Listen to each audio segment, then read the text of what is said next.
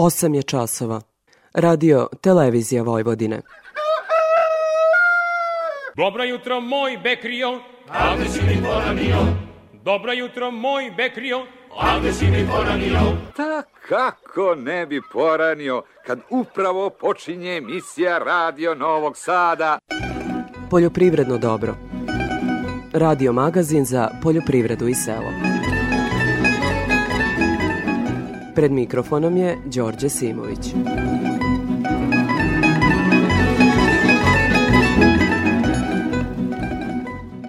Poštovani slušalci, dobro jutro. Sedmicu za nama obeležili su protesti poljoprivrednika. U emisiji će ponoviti svoje zahteve, a njihovu opravdanost analizirat će predstavnici Ministarstva poljoprivrede kao i agrarni analitičari. U uvodu poslušajmo poljoprivrednika Mileta Vukomana iz Čuruga. Zamislite vi kad jedna kifla košta preko 3 kg pšenice, jedna kifla. Šta je, kukuruz je bio za 14 dinara. Ja bih voleo da vidim i 13 dinara. Šta se može kupiti u ovoj državi za 13 dinara? Zamislite, evo ja ću vam reći situaciju, kod nas se kukuruz loži. Ljudi ne kupuju pelet, već lože kukuruz. Svi što imaju peci na agropelet, lože kukuruz. I daleko bolju kaloričnu vrednost ima od tog peleta i lože ljudi kukuruz. Neće to niko javno da kaže, ali ja to kažem da se kukuruz loži. Ja bih voleo da vidim još jednu državu gde kukuruz služi za ogrev. Na Beogradskom sajmu još danas traje drugi sajam vina, vinska vizija otvorenog Balkana – Sa više od 600 izlagača, dvostruko je veći od prošlogodišnjeg prvog izdanja sajma. Posetom na štandu, ali i razgovorima sa vinskim trgovcima, bio je zadovoljan i Petar Bajlo iz vinarije Bajlo iz Sremskih Karlovaca da su najviše zainteresovani za, za silu, za grašac, a bogme i za naš Sauvignon Blanc koji je uvršten u 50 vina Fruške gore. O sajmu Vinska vizija otvorenog Balkana Detaljnije ćemo govoriti u emisiji Agroargumenti u sredu od 16 časova i 10 minuta. A u Evropskoj uniji igre oko totalnog herbicida glifosata se nastavljaju. Poljoprivrednici u Uniji moći će da ga koriste i narednih 10 godina, jer članice bloka ponovo nisu uspele da usaglase zajednički stav. Nakon što predstavnici članica Evropske unije u oktobru nisu uspeli da donesu odluku, Novo glasanje 16. novembra ponovo je bilo neuspešno, odnosno nije postignuta kvalifikovana većina i tako je konačna odluka ostala na Evropskoj komisiji, koja je saopštila da će sada podržati svoj predlog i obnoviti odobrenje za glifosat na narednih 10 godina.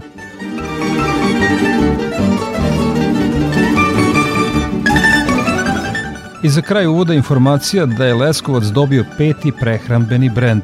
Iz Zavoda za intelektualnu svojinu stiglo je rešenje o zaštiti geografskog porekla za Leskovačku ljutenicu.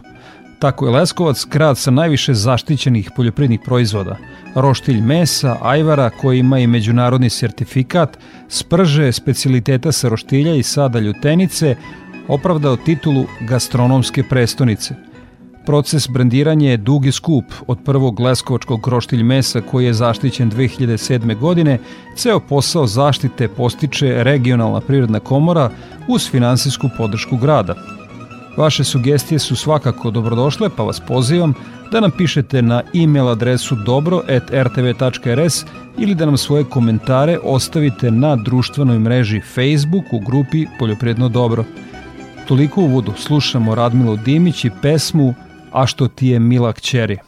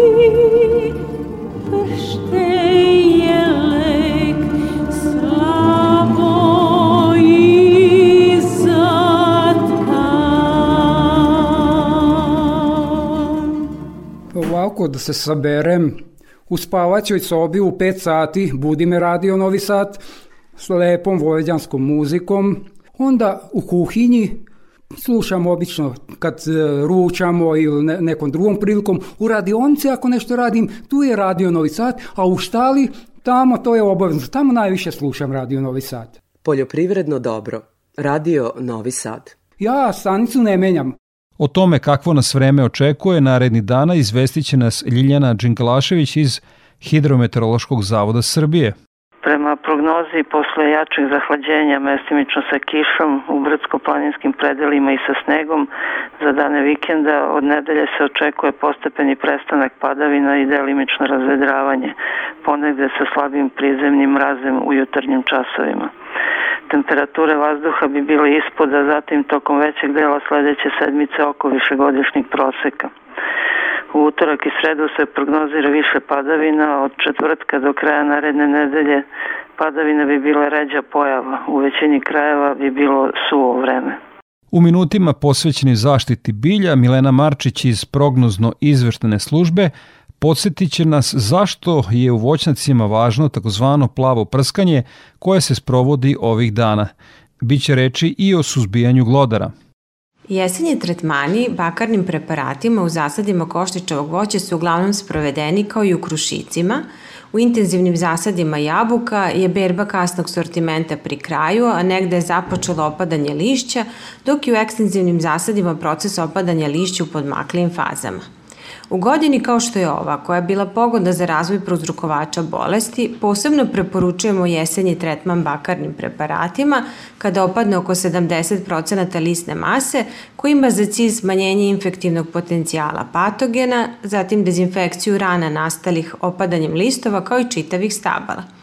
U zaštiti bilja su izuzetno važne preventivne mere zaštite koje uvek treba da su na prvom mestu, jer je najbolje na sve moguće načine sprečiti recimo nastanak neke infekcije i razvoj bolesti, pa tek onda upotrebljavati hemijska sredstva. Zato je izuzetno važno sprovesti i sve mehaničke mere koje su nam na raspolaganju, a to je orezivanje i uklanjanje obolelih i osušenih biljnih delova, a tamo gde je moguće uklanjanje zaostalih plodova, mumificiranih plodova, kao i onih koji su opali na zemlju, kao i opalog lišća jer se na taj način uklanja izvor zaraza za narednu sezonu. U svakom zasadu jabuka kod nas svake godine se javlja ekonomski najznačajnije oboljenje, to je čađava pegavost lista i krastavost plodova jabuke, Kako u velikim zasadima nije moguće sakupljanje i uništavanje lišća, mera koja može da se sprovede i sa kojom se smanjuje infektivni potencijal patogena je tretiranje opalog lišća sa, sa petoprocentnim rastvorom azotnog đubriva, čime se postiče razgradnja lišća, a samim tim i organa za preživljavanje patogena koji se nalaze u opalom lišću. Ako uklonimo i uništimo izvor patogena, manja je verovatnoća od zaraza naredne sezone, pa samim tim je i manja upotreba pesticida.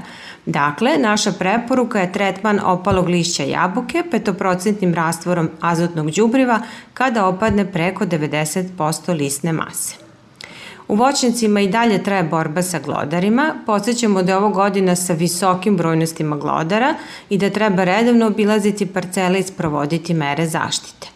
Na glodare treba da obrate pažnju i ratari, koji su sada zasnovali proizvodnju strnih žita i uljane repice, a takođe treba pregledati useve pšenice i ječmana prisustvo insekata. Detaljnije o ovoj temi, ali i drugim aktuelnim temama iz oblasti zaštite bilja, naši slušalci mogu pronaći na portalu Prognoz izveštene službe, odakle se javlja Milena Marčić. A na štete koju prouzrokuju glodari podsjećaju nas i u Poljoprijedno stručnoj službi Instituta Tamišu u Pančevu. Naglašavaju da bi ih trebalo suzbiti i po nekoliko puta pre nego što nanesu veću štetu pšenici i ječmu. O tome Aleksandra Vlajić. Na pojedinim njivama u Južnom Banatu žale se poljoprivrednici, ima i do 5-6 rupa od poljskih glodara na metru kvadratnom. Tako je bilo i na pojedinim parcelama na oglednom polju instituta Tamiš. Glodari su se pojavili u oktobru kada se sela pšenica i već sada su na nekim parcelama vidljive oaze gde nema biljaka. Kaže Maja Sudimac, rukovodilac savetodavne službe instituta Tamiš. Desilo se iz razloga što smo mi ove godine e, imali vrlo često olujno nevreme praćeno lomljavom, odnosno lomljenjem useva takav prelomljeni usev koji je već na sebi ima određeno zrno, da li je bio kukuruz, da li je bio e, suncokret, ostavio je određena zrna, odnosno gotovo ništa se nije moglo e, skinuti kao usev i obaviti žetva, sve to je ostalo na parcelama. E to je jedan od glavnih e, razloga zašto se pojavila ovako visoka brojnost, jer je pre svega bilo dovoljno hrane. A ono što je još naravno važno jesu i svi ti promenjeni, izmenjeni klimatski uslovi, blage zime. Poljski glodari, oni se prvo hrane onim semenom koje je posejano, semenom pšenice ili koje je krenulo da niče. E onda u jednom momentu uh, počinju da uvlače i ostale biljne delove, znači celu uh, tu izniklu uh, biljku i na taj način vidite samo da se oko rupe stvaraju oaze na kojima nema biljnog materijala, nema biljaka. Tako da to je neki prvi signal, ali ono što je značajno jeste da se, da se ne sme zadržati samo na tome, nego se baš moraju pregledati te rupe koje su praktično u dimenziji dimenzijama, zavisi 5 do 10 cm, opet kažem, zavisi koja je u pitanju uh, vrsta poljskog glodara. Zbog brojnosti glodara suzbijanje će morati da se obavlja u više navrata kako bi se sačuvala biljka, kaže Maja Sudimac iz Instituta Tamiš Pančevo. Ono što je ove godine uslovilo da smo vrlo brzo prešli u tu treću e, kategoriju na većem broju parcela, znači preko 50 e, rupa po hektaru i to je značilo da se parcele moraju ne samo jednom odraditi e, rodenticidima, nego da se ti mamci moraju postaviti i i ponoviti, odnosno izvršiti ponovni pregled parcela i utvrditi da li je ponovo potrebno uneti rodenticide. Nama je prinos jako važan, a može biti ugrožen prisustvom glodara, zato što je njihova sposobnost za razmnožavanje i 5 do 10 puta tokom godine, a jedna ženka može da da 5 do 10 potomaka, tako da sve to predstavlja vrlo veliki rizik i ukoliko se svi zajedno ne organizujemo, a sada još uvek ćemo imati lepo vreme i ovo je apsolutno poziv poljoprivrednicima i molba da se svi aktiviraju i da pregledaju svoje parcele, zato što nije važno samo da jedan poljoprivrednik uradi e, tretman na svojoj parceli, a da se e, svi okolo ili nekoliko okolnih parcela sa visokom, visokim brojem aktivnih rupa ne regulišu. Savet je da se redovno obilaze njive i detaljno kontrolišu, a nakon što se mamac sa otrovom ubaci u rupu, treba je zatrpati kako ne bi ugrozili divljač. Nakon priče o zaštiti bilja slušamo Nestora Gabrića i pesmu Novi Sade u ravnici grade –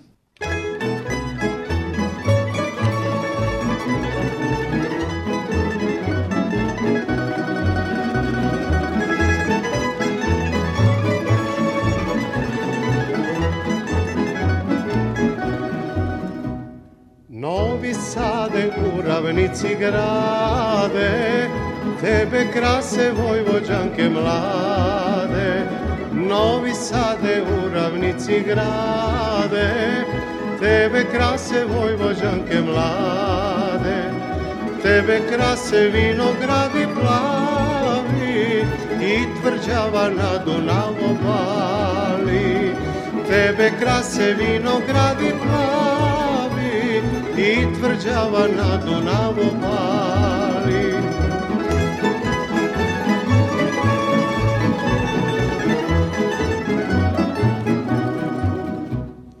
Kud pogledaš vidi se ravnica, kraj tebe je divna kamenica.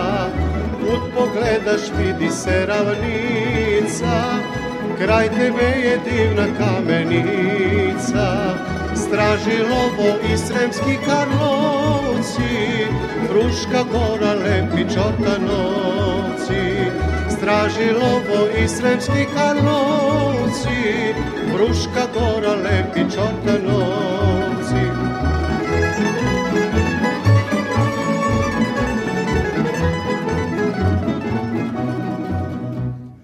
Novi Sade lepli si u noći, Nisam, ne znam kud bih hteo poći. Novi Sade lepli si u noći Nisam, ne znam kud bih hteo poći. Kud pogledam suda je milina Lepa li je naša Vojvodina? Kud pogledam suda je milina lepa li je naša Vojvodina. Poljoprivredno dobro. Radio Novi Sad. Na produktnoj berzi u sedmici za nama beleži se rast cena svih primarnih poljoprivrednih proizvoda. Više o tome Andreja Matijašević. Kao i prethodne nedelje, kukuruz je i ove sedmice bio primarna kultura u trgovanju, zauzimajući ukupnom obimu prometa udeo od 61%. Njime se trgovalo u cenovnom rasponu od 16,50 do 17 dinara po kilogramu bez PDV-a u zavisnosti od analiza na aflatoksin. Početkom nedelje ponuda pšenice je bila slaba da bi se sredinom nedelje zabeležila veća aktivnost na tržištu i povećana ponuda u odnosu na prve dane u nedelji. Tokom nedelje se potraživala pšenica sa različitim parametrima kvaliteta, pri čemu je krajem nedelje tražnja bila slabija. Pšenicom se trgovalo u cenovnom rasponu od 20 do 21 dinar po kilogramu bez PDV-a u zavisnosti od parametara kvaliteta. ovim se trgovalo na jedinstvenom cenovnom nivou od 52,30 dinara po kilogramu bez PDV-a uz obračun kvaliteta, odnosno 57,53 dinara po kilogramu sa PDV-om, što ujedno predstavlja i ponder cenu. Od ostalih roba, tokom ove nedelje trgovalo se mineralnim đubrivima. Berzanski ugovor za ureu u pakovanju 500 kroz 1 zaključen je po ceni od 50,07 dinara po kilogramu bez PDV-a, odnosno 55,08 dinara po kilogramu sa PDV-om. Dok je AN, ruski, u pakovanju 600 kroz 1 prometovan po ceni od 35,85 dinara po kilogramu bez PDV-a, odnosno 39,44 dinara po kilogramu sa PDV-om. Sa produktne berze Andreja Matijašević. Nakon izveštaja sa produktne berze, Gordana Jeličić iz Infotim Logistike obavestiće nas o trendovima na tržištu stoke. Sve cene su bez uračunatog poreza na dodatu vrednost. Tokom nedelje naši saradnici tovne svinje sa farme oglašavali su po ceni od 250 do 270 dinara po kilogramu, tovljenike sa mini farme po ceni od 240 do 250 dinara po kilogramu, a tovljenike iz otkupa po ceni od 240 do 250 dinara po kilogramu. Ukupno je tržištu ponuđeno oko 1100 tovljenika. Tokom nedelje, plasman tovnih svinja sa farme i mini farme dogovaran je u rasponu cena od 240 do 250 dinara po kilogramu. Za narednu nedelju, klaničari će tovne svinje sa farme plaćati 260 dinara po kilogramu. Na tu cenu su već istrgovane određene količine Prasad za farme oglašena su po ceni od 510 do 550 dinara po kilogramu, prasad sa mini farme po ceni od 462 do 480 dinara po kilogramu i prasad iz otkupa po ceni od 460 do 463 dinara po kilogramu. Prasad za klanje bila su u ponudi po ceni od 435 do 470 dinara po kilogramu. U ponudi smo imali više od 500 prasadi. Prasaca mini farme su trgovana po ceni od 463 dinara po kilogramu, a prasad za klanje po ceni od 450 do 470 dinara po kilogramu. Nazimice za priplot ponuđene su po ceni od 50.000 dinara po komadu, dok su se krmače za klanje nudile po ceni od 250 dinara po kilogramu. Jagnjac su ponuđena po ceni od 403 do 463 dinara po kilogramu, Ovce za klanje ponuđene su po ceni od 167 dinara po kilogramu. Na terenu je primećeno povećano interesovanje oko nabavke jagnjadi, pa su ponuđači krenuli da traže jače nivoje cena u oglasima. Bikovi rase Holstein oglašeni su po ceni od 285 do 310 dinara po kilogramu, a bikovi simentalci po ceni od 342 do 358 dinara po kilogramu. Krave za klanje ponuđene su po ceni od 273 dinara po kilogramu. Klaničari su krave za klanje simental rase spremni da plate do 270 dinara po kilogramu sa uračunatim PDV-om. Kada je živina u pitanju, jednodnevni pilići teške linije ponuđeni su u rasponu od 47 do 60 dinara po komadu. Cene su izražene bez PDV-a. Za Radio Novi Sad, Gordana Jeličić iz Infotim Logistike. Slušamo Milana Prunića i pesmu Kad sam bio u Novome Sadu, pa u temi emisije govorimo o protestu poljoprivrednika. devojke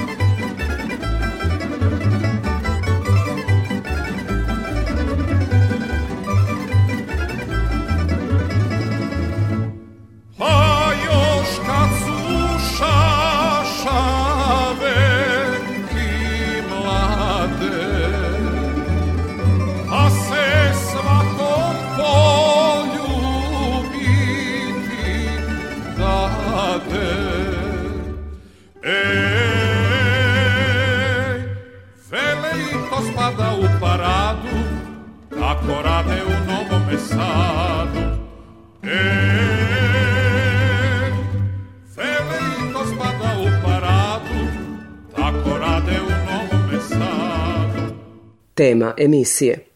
Sedmicu za nama obeležili su protesti poljoprivrednika. Oni su se nametnuli kao ovonedeljna tema emisije. Poslušajmo sve aktere. Prvo, one iz blokada. Govori Mile Vukoman iz Čuruga. Mile Vukoman iz Čuruga kaže da je najvažnije u našem razgovoru da uključim štopericu i da neće biti sečen ovaj razgovor. Pa ja sam često davao izjave i sa svima sam ja dobar, ali bude ono što je najvažnije da kažem, oni to iseku. Nikoga ja ne želim da vređam, ja samo iznes, iznosim objektivnu situaciju u poljoprivredi, ništa drugo. Šta vas je nateralo na proteste? Pa nateralo nas je u zadnje tri godine u poljoprivredi je katastrofa. Cene idu dole, repromaterijal ide gore. To nikad nije bilo da za litru goriva treba da damo 10 kg više pšenice. To nikad nije bilo. O, evo ja se bavim 40 godina sam aktuelno u poljoprivredi, što sa ocom, što samostalan, ovakva situacija, ovakvu situaciju ja ne pamtim. Mislim, država koja smo otvoreni bez sankcija, svega bilo je kad su bile sankcije, evo, to ljudi moji generacija mogu da potvrde, mi smo bolje prolazili nego na današnji dan. Šta da vam kažem, cena je žitarica ubija. Ubija repromaterijal, stalno dižu, ide gore, cene nikakve, mislim, oni to, eto, ministarka izjavljuje da to politički, tu nema veze s politikom, ja to garantujem, jednostavno, ljudi, mi smo došli na ivicu egzistencije, mi ne znamo da li ćemo moći na proleće, da li će se jesen uopšte, evo, pogledate aterom koliko je neporano i neurađeno. Jednostavno, ljudi nemaju sredstava i treba neko da se urazumi da smo mi ne prevareni, mi smo opljačkani, opljačkani, imali smo mnogi zaduženja gde su nam uzeli kukuruze po 13 dinara, sad evo kukuruz ide gore, znači kad su nam uzeli to što smo mi morali da se razdužimo, soja je otišla gore, uzimali su nam po 43, 4 do 45 dinara, sad je soja prešla 50 dinara, to je neko svesno nas opljačko, ne ovo ono, to je, o, mi smo opljačkani. Da li ste vi lično uspeli da se razdužite? Pa još nisam, još nisam, imam još deo da se razdužim, a kako ću i šta ću, ne znam, vidjet ću. A s druge strane, iz ministarstva e, kažu agrarni budžet nikad veći. Pa mi ga ne osjećamo. Možda ga neko osjeća od njih da je budžet kod njih ima priliv, ali kod nas nema. Mi poljoprivrednici, obični smrtnici to ne, ne vidimo.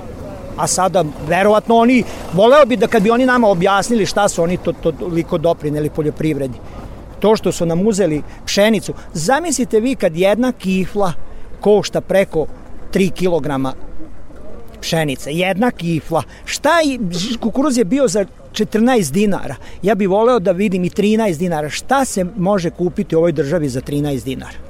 Sem tog našeg kilograma. Zamislite, evo ja ću vam reći situaciju, kod nas se kukuruz loži.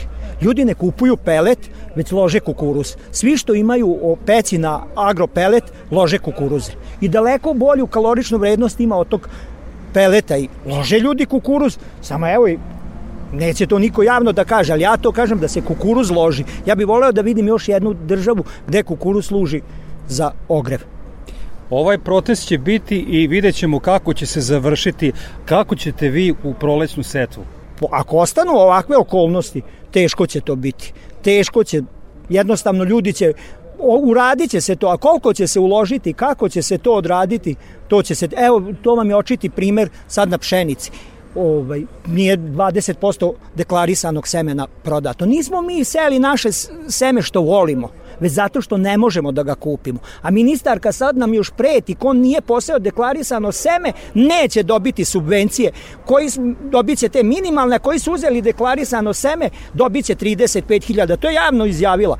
Pa molim vas lepo, pa kakva je to ucena? Oni tre, ministarstvo je tu da napravi ambijent da mi možemo da ulažemo u tu poljoprivredu, u tu našu zemlju, mehanizaciju, sve i da proizvodimo više, a ne da oni, nas, oni će nas vratiti da ćemo početi seti kukuruza iz čardaka. Ja vam kažem, evo vidjet ćete, ja tvrdim da će na proleće biti posenog kukuruza iz čardaka. Ne zato što ljudi to vole. Svi mi to znamo da je deklarisano seme bolje i da je sigurnije, ali jednostavno mi to finansijski ne možemo izdržati. Jedno, zašto nam nisu izašli u susret pa nam dali deklarisano seme da vratimo naleto 2 kg za kilogram? Ako već tako žele dobro poljoprivredi. Ne, vi platite po toj ceni ili se zadužite pa vidjet ćemo kako ćete proći. A mi znamo već kako prolazimo ovih zadnjih godina. Ovaj razgovor je trajao tačno 5 minuta i bit će u celini pušten. E, iskreno, kao i uvek, Mile Vukoman iz e, Čuruga za Radio Novi Sad. Hvala vam na odvojenom vremenu za naš program. Hvala i vama. Mileta Slankamenac iz Inicijative za opstanak poljoprivrednika Srbije – istakao se kao jedan od lidera protesta poljoprivrednika. Kakve su poslednje informacije što se protesta tiče? Što se protesta tiče, šire se, danas počinju i ovaj blokade na Đerdapskom koridoru, to su javili iz Stiga, Bač je još danas izašao, negde sam poslao snimak, ne mogu ni da pohvatam, evo danas se ljudi organizuju, vidjet ćemo sutra da se malo bolje koordiniše, da bi ovaj, da idu blokade u isto vreme i da to bude onako sad malo da utegnemo. Ministarka je pozvala na, na neke razgovore, mi smo rekli dok se ne ispuni ono staro a najvažnije su robne berze sa, sa terminskom prodajom, taj robni zapis, znači taj zakon postoji, treba samo da se upakuje tako da bude jasan. I gorivo bez akciza, ona je pominjala bojeno gorivo, nije bitno ako ne može da se boji, sipaćemo mi ovaj običan evrodizel bez akcize na benzinskoj pumpi. Ne 50 dinara, platiš pa ti vratim kad mi padne na pamet nego na benzinskoj pumpi. Upravo to e, zbog, ajde mi koji pratimo poljoprivredu znamo problematiku, ali zbog običnih građana. Mnogi me pitaju gde je tu razlika kad plate odma tu umanjene cenu i kakve veze ima ako im država vrati te pare posle određenog vremena. Da samo to pojasnite. Pa kao prvo tih 50 dinara nikad je doneto već je akciza bila 54 dinara. Mi ne znamo ćemo u prolećnu setvu ući sa akcizom od 90 dinara ili će ostati 64 dinara i 70 para koliko je danas. A ovo kad ti država vrati, to ti vrati, ne znaš ni ti kada je ovi ljudi što treba da dobiju subvencije za šećernu repu nisu počeli da dobijaju. Ne znam kako ide odšteta za ove svinje od kuge Ove, ove subvencije koje smo bili pogodili za, za neku setvu, nismo dobili smo ih u žetvi soje, mislim, to država ti vrati kad ti vrati. Znači, mi hoćemo gorivo bez akcize plus PDV na benzinskoj pumpi. Da. A evo, znali se da su davanja bila po hektaru do 20 hektara, sad je, e, najavljuje se da će biti 100 hektara, 9000, 18000, 15, a vi tražite 35. Da li tu postoji negde neka mogućnost za kompromis? Kada se ispune ova dva uslova, onda ćemo, mi smo se uvek udazivali na poziv vlade i ministarstva, onda ćemo mi vladu i ministarstvo ugoditi, ugostiti kod nas, pošto smo se mi svaki put odazivali kao praćke, kad god im padne na pamet, mi smo išli u Beograd, mi ćemo njima lepo reći da odrede termin kad će oni doći kod nas, ali tek kada ispune ova dva o, ove dve tačke i sporazum vezano za gorivo bez akcize i za, za, za prepakivanje te, tog, tog tržišta žitarica koji jeste problem. Nije to samo tržište žitarica. Vi možete da napravite licencirano skladište za malinu, za jabuku, za sve što može da se čuva, može da se dobije robni zapis. Činjenica je da ni u ovom protestu, ako ćemo iskreno, nisu svi poljoprivrednici jedinstveni. Neka velika udruženja se nisu odazvali. Kako, zašto se ti e, zahtevi poljoprivrednika ne artikulišu? Zašto nemate zajednički neki e, imenila iza koga možete svi da stanete? Pa ja ne znam koja se to udruženja nisu ujedinile i ne znam koga konkretno inicijativa za opstanak poljoprivrednika Srbije nije zvala još od avgusta prošle godine i od marta od Bogatićog sporazuma ove godine. Tako da mislim da smo dovoljno. E sad što se tiče toga, što se tiče poljoprivrednika, mi nemamo pristup nacionalnim frekvencijama. I to je generalno najveći problem što se ministarka pojavi i kaže sve je ispunjeno. I moj drugar ode kod njegovog tate sinoć kući kaže šta vi sve protestujete pa sve vam je ispunjeno. E to je generalno problem. Dajte da mi odemo na RTS u pola osam pa da se objasnimo. Nek dođe i ministarka. Zajedno da gostuje. Neko će doći od nas. Ne moram to biti ja. Ne. Za kraj, koliko su poljoprivrednici spremni da, da ostanu pri svom zahtevu i da ostanu na protestima? Pa ja sam negde već izjavio i šator smo raširili do uskrsa. Kao i uvek, e, iskreno za Radio Novi Sad, Mileta Slankamenac iz inicijative za opstanak poljoprivrednika Srbije. Hvala vam puno na gostovanju na našem programu. Hvala vama što nas obilazite. Analizirajući nekoliko gostovanja ministarke poljoprivrede Jelene Tanasković na televizijama sa nacionalnim frekvencijama u prethodnoj nedelji, Možemo reći da se ona uglavnom svode na dva zaključka da je poljoprivrednicima sve obećano ispunjeno i da su protesti politički obojeni vrata ministarstva, vrata vlade Republike Srbije, kao i predsjedništva na kraju krajeva su sve vreme otvorena, što dokazuju i svi sastanci koje smo u prethodnom periodu imali. Ali znate, kada ste obojeni politički i kad imate političku agendu, onda nećete da razgovarate. Oni su imali poziv i u ponedeljak za razgovor, neće da razgovaraju, prosto hoće, kažu da budu na ulici i to je ono što su mi u poslednjem dopisu u nedelju uveče i napisali. Ajde da krenemo od toga šta su zahtevi poslednji. Znači, prvo se krenulo da nije ispunjen sporazum iz maja meseca.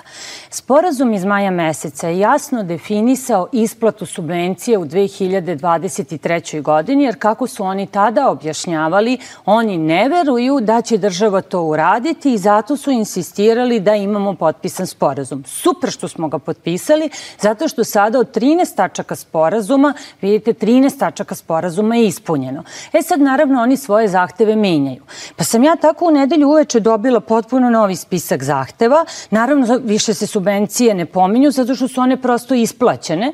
Ono što se pominje od subvencija, to je da bude uh, po litri mleka subvencija 19 dinara, pa naravno ako je bila 2023. a sledeće godine je budžet za subvencije veći, zašto ne bi bila 2024. Znači, ne postoji niti jedan razlog i to sam im na svakom sastanku rekla, jasno podvukla i oni se sa tim složili, apsolutno apsolutno. Če mi na sastancima nismo imali ovo što je danas u javnosti. Znači, ajde da ne zbunjujemo ljude. Refakcija, ne refakcija. Akciza je u iznosu od 50 dinara. To je ukupan iznos akcize je 50 dinara. Znači, rekla sam na svakom sastanku, rafinerija nije u mogućnosti od maja do decembra da uradi uh, uh, proizvodnju dizela koji će bude u boji. Vi danas kupite dizel i nijedan poljoprivrednik ne ide po 10 litara dizela.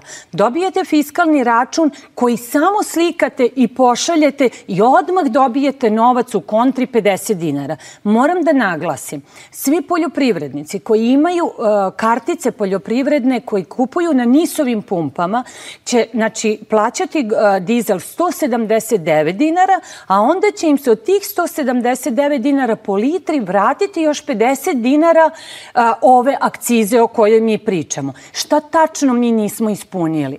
Znači, koji je efekat finansijski? Za koga se vi borite? Šta vi tražite od države? Vi ste dobili sve i kažete ne, hoću dizel u boji. Ja prosto pitam kakva je razlika finansijska. Ajmo da pričamo o realnom finansijskom efektu.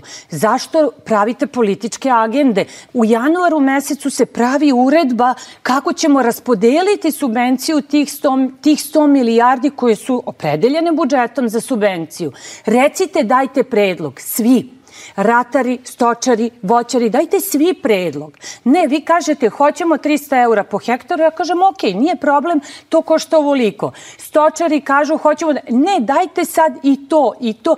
I što mi više kažemo u redu je, nije problem, sve ćemo da raspodelimo, pa vama je i namenjeno. Svoje viđenje protesta za Radio Novi Sad dao je i agrarni analitičar Čedomir Keco. Gospodine Keco, možda će biti najbolje e, da za početak razgovora e, ponovimo glavne e, zahteve poljoprivrednika u protestu. Dakle, subvencije po hektaru od 300 evra, što je zahtev još iz protesta prošlog avgusta.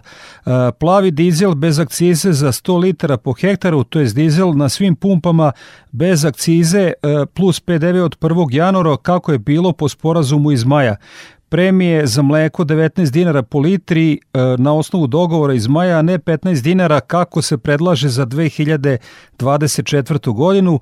Subvencije po kravi 40.000 e, dinara, što je bio dogovor u maju da ostane u 2024. Subvencionisani krediti od 1% koji se mogu koristiti i za refinansiranje postojećih kredita i sistemsko uređenje zakona o robnoj berzi.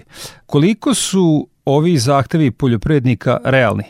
Ti zahtevi su e, jednim delom značajnim primenljivi i ostvareni, što znači da su već oni za vladu bili realni jer su delom provedeni u praksu. Međutim, postoje zahtevi koji traže intervenisanje putem donošenja zakona i institucionalno organizovanje da bi se primenuli. Dakle, e, u ovom času se može razgovarati o tome šta nije sprovedeno i kako bi trebalo da bude sprovedeno za sastav nove vlade, odnosno saziv nove skupštine.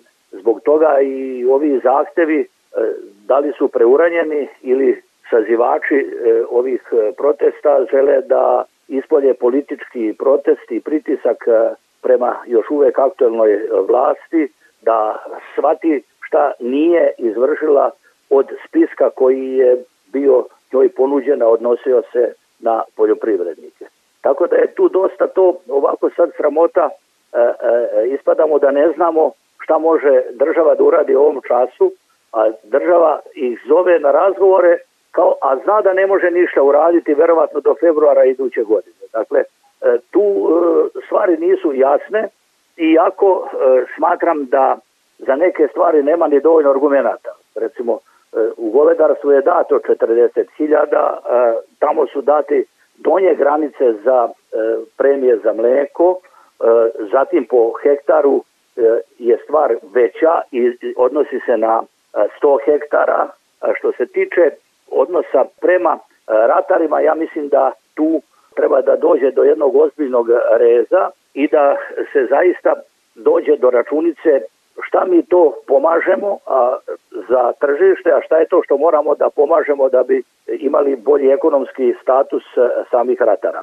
A, to nije sada stvar koja se može rešavati u ovoj e, izbornoj e, trci, to je jedna ozbiljna analiza i tu ratari moraju da se spreme, e, jer oni su nekada o zakonu o zemljištu ispaljavali veći kvalitet u poznavanju e, i ekonomske problematike i proizvodne problematike nego sada e, što se nastupa na ulici. E, mislim da je dosta ružno što je ulica dobila pravo građanstva u pritiscima za sporazum, u pritiscima za i zadovoljavanje potreba i tako dalje i tako dalje. To nije u redu u odnosu na one strukture u poljoprivredi koje trpe puno kao voćari, na primjer, ili povrtari i koji jednostavno ne vide u ulici pritisku da je njihova sudbina, već da vide u sistemskim rešenjima u okviru države, a to znači da mora da dođe do potpuno novog pristupa e,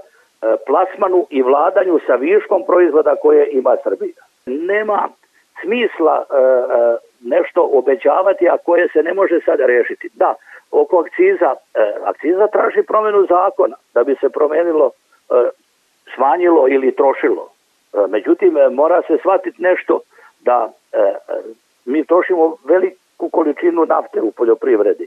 To značajno donosi i porez i akcizni priliv državi, s koja s tim raspolaže u okviru budžeta. Dakle, ona vraća to nazad jednim delom i sad je pitanje ovaj ko više dobije. Da li oni koji daju e, taj novac u poljoprivredi za kroz porez i kroz akcizu ili neko drugi. E, ta računica se isto može izvesti, ali ona, kada pomenete akcizu svakom ministru financija da će se smanjiti, njemu se diže kosa na glavi, ovaj, i to je nešto što će država teško promenuti ukoliko li ne, ne nađe na drugoj strani a, izvor prihoda koji im pokriva troškove koji su pokrivani iz a, prihoda od akcize.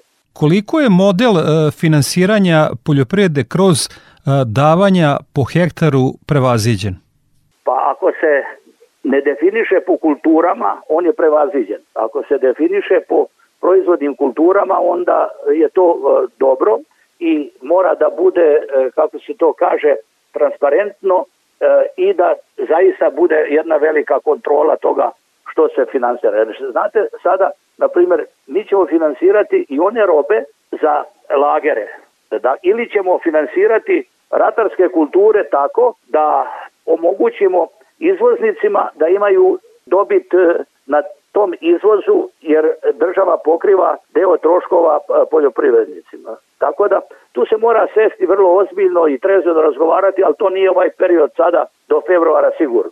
Dakle, očekujete da bilo šta da se promeni, e, potrebno da prođe još evo četiri meseca da bi se re, rešavalo, eventualno rešavali ovi problemi? Pa ako uzmemo praksu e, koja je postala da se dosta E, ovaj odlaže formiranje nove vlade posle izbora, onda je to moja prognoza februar. Dakle, mislim da u ovom času poljoprivrednici imaju daleko veće šanse da ostvare neke stvari koje su potrebne, a koje nemamo. Na primer, da na neki način se definiše nova organizacija ministarstva. Potrebno nam je uprava za stočarstvo.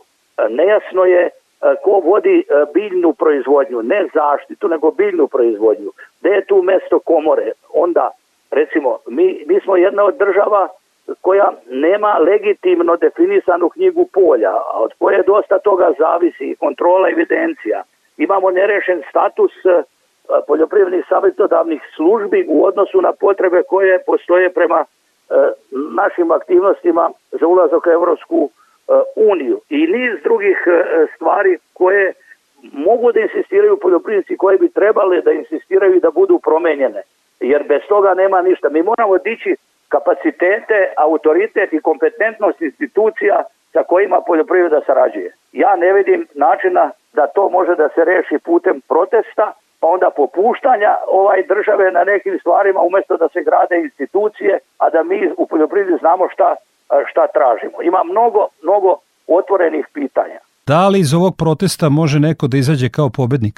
Ma nema tu pobednika, to je sramota i ja mislim da će prevladati razum kod udruženja da ima vrlo kvalitetnih i dobrih ljudi, dobrih domaćina, da oni neće zatvarati puteve i da neće se suprotstavljati svojim komšijama, građanima, pogotovo ne e, u onim slučajima e, kada je u pitanju život onih koji se nalaze na drugu. O aktuelnom e, protestu poljoprivrednika e, svoje viđenje je dao e, agrarni analitičar Čedomir Keco. Hvala vam puno što govorite za Radio Novi Sad. Molim. Toliko u temi emisije u kojoj smo se bavili protestima poljoprivrednika. Još od vremena Matije Gupca i njegove seljačke bune malo koji protest poljoprivrednika urodio je plodom. Trebalo bi se zamisliti zašto je tako. Slušamo ansambl uspomene i pesmu Dobro jutro, Vojvodino.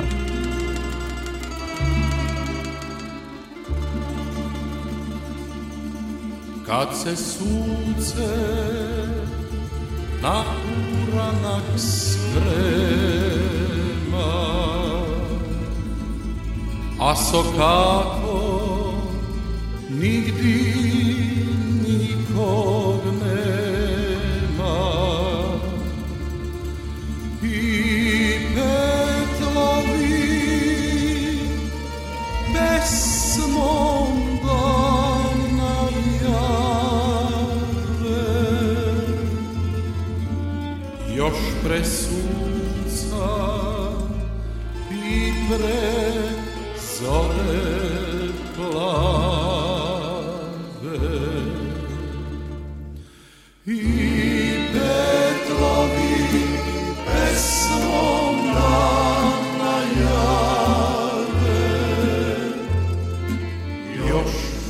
pre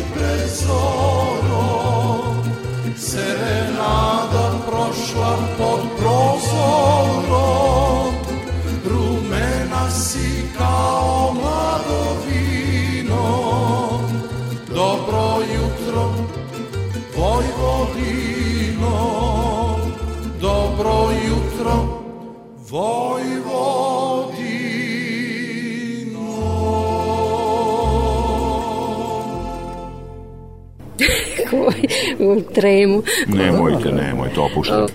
Poljoprivredno dobro opušta. Povećana svest o upotrebi antibiotika podjednako je važna i za uzgivače i za veterinare, jer veliki problem predstavlja opasnost otpornosti mikroorganizama na antibiotike. To je osim ostalog poručeno na Poljoprivrednom fakultetu u Novom Sadu na Međunarodnom simpozijumu o važnosti odgovorne upotrebe antibiotika u lečenju domaćih životinja. Opširnije Davorka Jelena Draško. Dekan Veterinarskog fakulteta Sveučilišta u Zagrebu, profesor Marko Samarđija, kaže da je u Hrvatskoj, bez obzira na članstvo u Evropskoj uniji, borba protiv neodgovorne upotrebe antibiotika u lečenju životinja oštra i neravnopravna. Da se e, provodi jedna odgovorna politika e, u provođenju uporabe antibiotika i samim time e, smo zapravo uspjeli spasiti da se gotovo trećina antibiotika koja je bila zamišljena da se više ne dozvoljava za uporabu u veterinarskoj medicini, ipak i dalje može koristiti. Na misao da lekari leče ljude, a veterinari ceo svet, podsjetio je pomoćnik pokrajinskog sekretara za poljoprivredu, vodoprivredu i šumarstvo Nemanja Ivanović, naglašavajući koliko je važna svest i odgovornost pri upotrebi antibiotika u lečenju životinja. Razumem i ekonomsku cenu i smanjivanje troškova proizvodnje, ali ipak aplikacija antibiotika životinjima je zaista ozbiljna stvar i smatram da tu bi možda trebalo malo još poraditi na razvoju svesti kod proizvođača da bez obzira i kad dođe do nekog oboljenja prvo pozovu veterinara, a ne da prvo pokušaju sve sami, pa kada to ne uspe da onda zovu veterinara. Simpozijum je organizovan povodom obeležavanja Svetske nedelje svesnosti i racionalne upotrebe antibiotika. Tim povodom priređeno je i nekoliko radionica za studente buduće veterinare.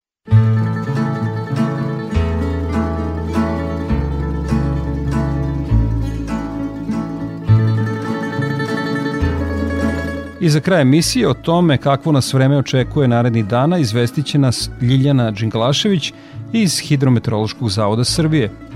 Prema prognozi, posle jačeg zahlađenja, mestimično sa kišom u brdsko-planinskim predelima i sa snegom, za dane vikenda od nedelje se očekuje postepeni prestanak padavina i delimično razvedravanje, ponegde sa slabim prizemnim mrazem u jutarnjim časovima. Temperature vazduha bi bile ispod, a zatim tokom većeg dela sledeće sedmice oko višegodišnjih proseka. U utorak i sredu se prognozira više padavina, od četvrtka do kraja naredne nedelje padavina bi bila ređa pojava, u većini krajeva bi bilo suvo vreme.